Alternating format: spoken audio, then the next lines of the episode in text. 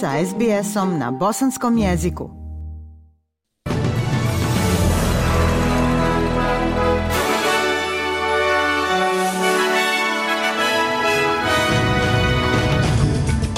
U današnjim vijestima poslušajte. Savezna vlada Australije investira skoro 10 milijardi dolara u građevinske i željezničke projekte. Ukrajinski predsjednik kaže da je 65.000 ruskih vojnika ubijeno od početka invazije. I u sportu Kenguri pobjedili Fiji i započeli svoju kampanju u svjetskom kupu rugby lige. Slušate program SBS radija na bosanskom jeziku. Poplave se pogoršavaju na sjeveru Viktorije, a stanovnicima je rečeno da se presele na više terene. Glavni operativni službenik Državne službe za vanredne situacije Tim Vajbuš rekao je za ABC da sa vedrim vremenom ljudi ne podcjenjuju opasnost. Jedan od izazova je to što sada imamo ono što zovemo poplava plavog neba. Kiša je prestala. Savjetujemo ljudima da slušaju ipak upozorenja, da se ponašaju u skladu sa upozorenjima i šta god da radite, ne pokušavajte voziti kroz poplavne vode. To je možda posljednja odluka koju ćete donijeti. Hitne službe izdale su upozorenja za stanovnike Ekuća, Ekuća kuća Village da odmah napuste mjesta. Ljudi u Madisonu, Sheppertonu, Orvelu i Murupni su upozoreni da je prekasno za odlazak. U posljednja 24 sata bilo je na desetine spašavanja od poplava, većinom ljudi koji su pokušavali proći kroz poplavne vode. Najveći ubica u poplavama u Australiji su ljudi koji pokušavaju proći kroz poplavu. Imali smo preko 450 spašavanja sada u Viktoriji, 88 spašavanja samo u posljednja 24 sata. Ponavljam, ako je područje poplavljeno, Vratite se, pronađite alternativni način da stignete ili nemojte uopšte putovati. Više kiše moglo bi pogoditi obalu Novog Južnog Velsa. Biro za meteorologiju saopštio je da bi se pljuskovi i oluje danas mogle razviti na istočnoj obali, iako se očekuje da će kopnena područja koja su primila najveći dio nedavnih padavina biti pošteđena daljih poplava. Ali predviđa se da će se u utorak nad centralnom Australijom razviti još jedan olujni sistem koji će do sredine sljedeće sedmice donijeti kišu i grmljavinu u istočnim državama. Sinoć su bile na snazi upozorenja o velikim poplavama za 11 rijeka u Novom Južnom Velsu, a moguće su nove poplave u nekim područjima uprkos privremenom zastoju kiše. Savezna vlada će predstaviti planiranu investiciju od skoro 10 milijardi dolara u građevinske i željezničke projekte širom Australije. Oktobarski budžet laburista za infrastrukturu izdvaja 9,6 milijardi dolara. Finansiranje uključuje 2 milijarde dolara za finansiranje Victoria Suburban Rail Link, 300 miliona dolara za puteve u zapadnom Sidneju i još 500 miliona dolara za High Speed Rail Authority. Teretni autoputevi u srcu Južne Australije dobit će paket za nadogradnju i održavanje vrijedan 1,5 milijardi dolara. Putevi u Brisbaneu i Tasmani dobit će između 500 i 600 miliona dolara svaki za nadogradnju putnih koridora, dok će Perth dobiti 125 miliona dolara za finansiranje mreže električnih autobusa. Ipak šema je izazvala kritike jer najmnogoljudnija australska država, Novi Južni Vels, dobila je samo oko milijardu dolara finansiranja u odnosu na Viktoriju. Ministrica za infrastrukturu Catherine King priznala je na ABC-evom Insiders da je to zbog spornog odnosa sa koalicijonom vladom Novog Južnog Velsa.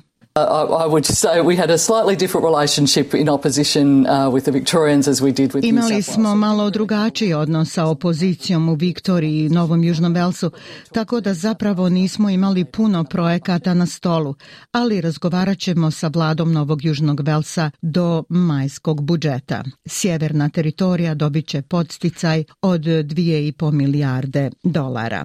Vijesti iz svijeta. Pakistanski ministar vanjskih poslova Bilabal Buto Zardari rekao je da je pozvao američkog ambasadora nakon što je predsjednik Joe Biden doveo u pitanje sigurnost pakistanskog nuklearnog programa. As far as uh, President Biden's statement is concerned, I have discussed it with the Prime Minister. Mi smo pozvali ambasadora Sjedinjenih država u Pakistanu, gospodina Donalda Bluma, u Ministarstvo vanjskih poslova Pakistana na nezvanični demarš. Što se tiče pitanja sigurnosti i sigurnosti pakistanske nuklearne imovine, mi ispunjavamo sve uslove i sve međunarodne standarde. Američki predsjednik Biden je u četvrtak rekao da je Pakistan možda jedna od najopasnijih nacija na svijetu jer ima, navodimo, nuklearno oružje bez ikakve kohezije. Dva vojnika dobrovoljca pucali su na druge trupe na ruskom vojnom poligonu u blizini Ukrajine, ubivši 11 i ranivši 15 drugih prije nego što su ubijeni, saopštilo je Rusko ministarstvo odbrane. Pucnjava se dogodila u oblasti Belgorod na jugozapadu Rusije, koja se graniči s Ukrajinom. U njemu se navodi da su dvojica dobrovoljaca iz neimenovane bivše sovjetske nacije pucali na druge vojnike tokom gađanja i da su ubijeni uzvratnom vatrom. Ministarstvo je incident nazvalo terorističkim napadom a ukrajinski predsjednik Zelenski tvrdi da se broj poginulih ruskih vojnika u sukobu približio 65.000.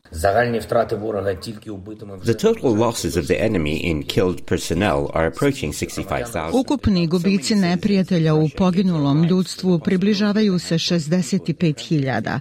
Toliko je građana Rusije dalo svoje živote za mogućnost da šačica ljudi u Kremlju ignoriše stvarnost, a sudeći po načinu ruske mogilizacije, mogila je grob na ruskom, nastavlja se I možemo reći da čak ni stotinu hiljada mrtvih ruskih građana neće potaknuti Kremlj da počne razmišljati. Zelenski je podsjetio ruske vojnike da svi koji se predaju ukrajinskom zarobljeništvu spašavaju svoje živote.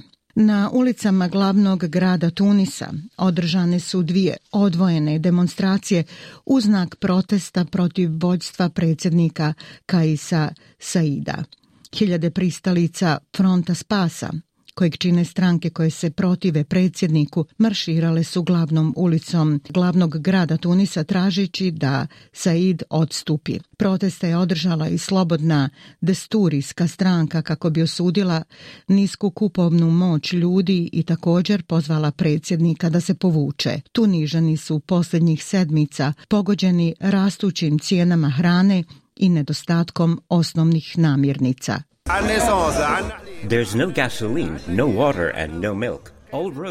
Nema benzina, nema vode, nema mlijeka.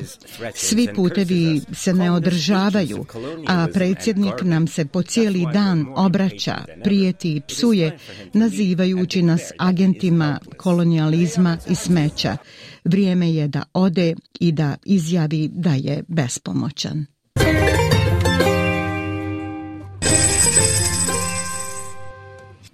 Prema kursnoj listi, australski dolar danas vrijedi 0,62 američkog dolara, 0,64 eura, 0,55 britanske funte te 1,24 bosanske konvertibilne marke.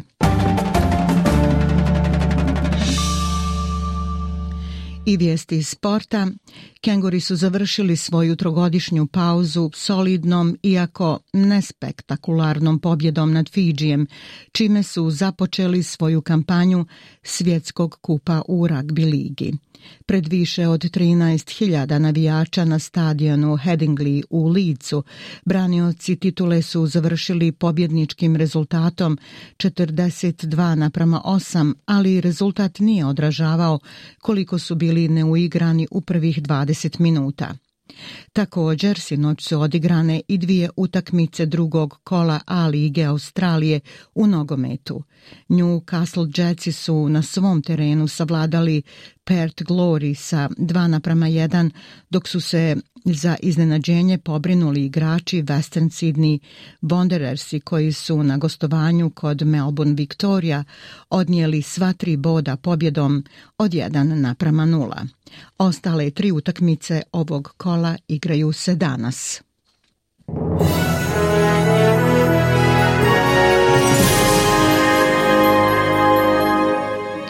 I za kraj vijesti poslušajte temperaturne vrijednosti za veće gradove u Australiji.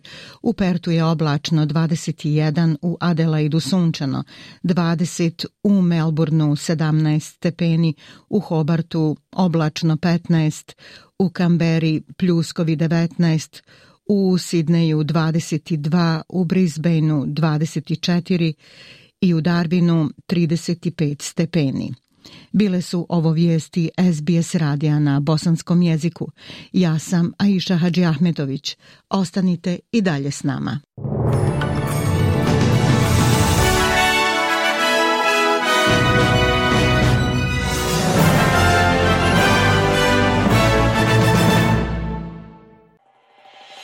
SBS na bosanskom. Podijelite naše priče preko Facebooka. Želite poslušati još ovakvih priča? Slušajte preko Apple podcasta, Google podcasta, Spotify ili kako god da primate svoje podcastove.